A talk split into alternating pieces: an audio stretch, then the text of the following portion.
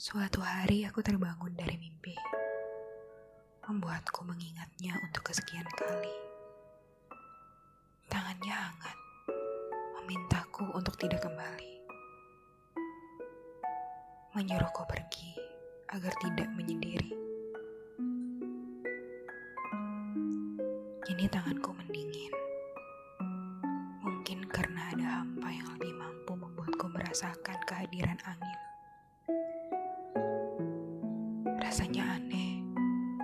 Ini lebih sepi dari kemarin. Tapi tidak apa-apa. Mungkin rasa ini hanya ilusi semata. Hanya sementara. Karena hangat bisa datang dari mana saja.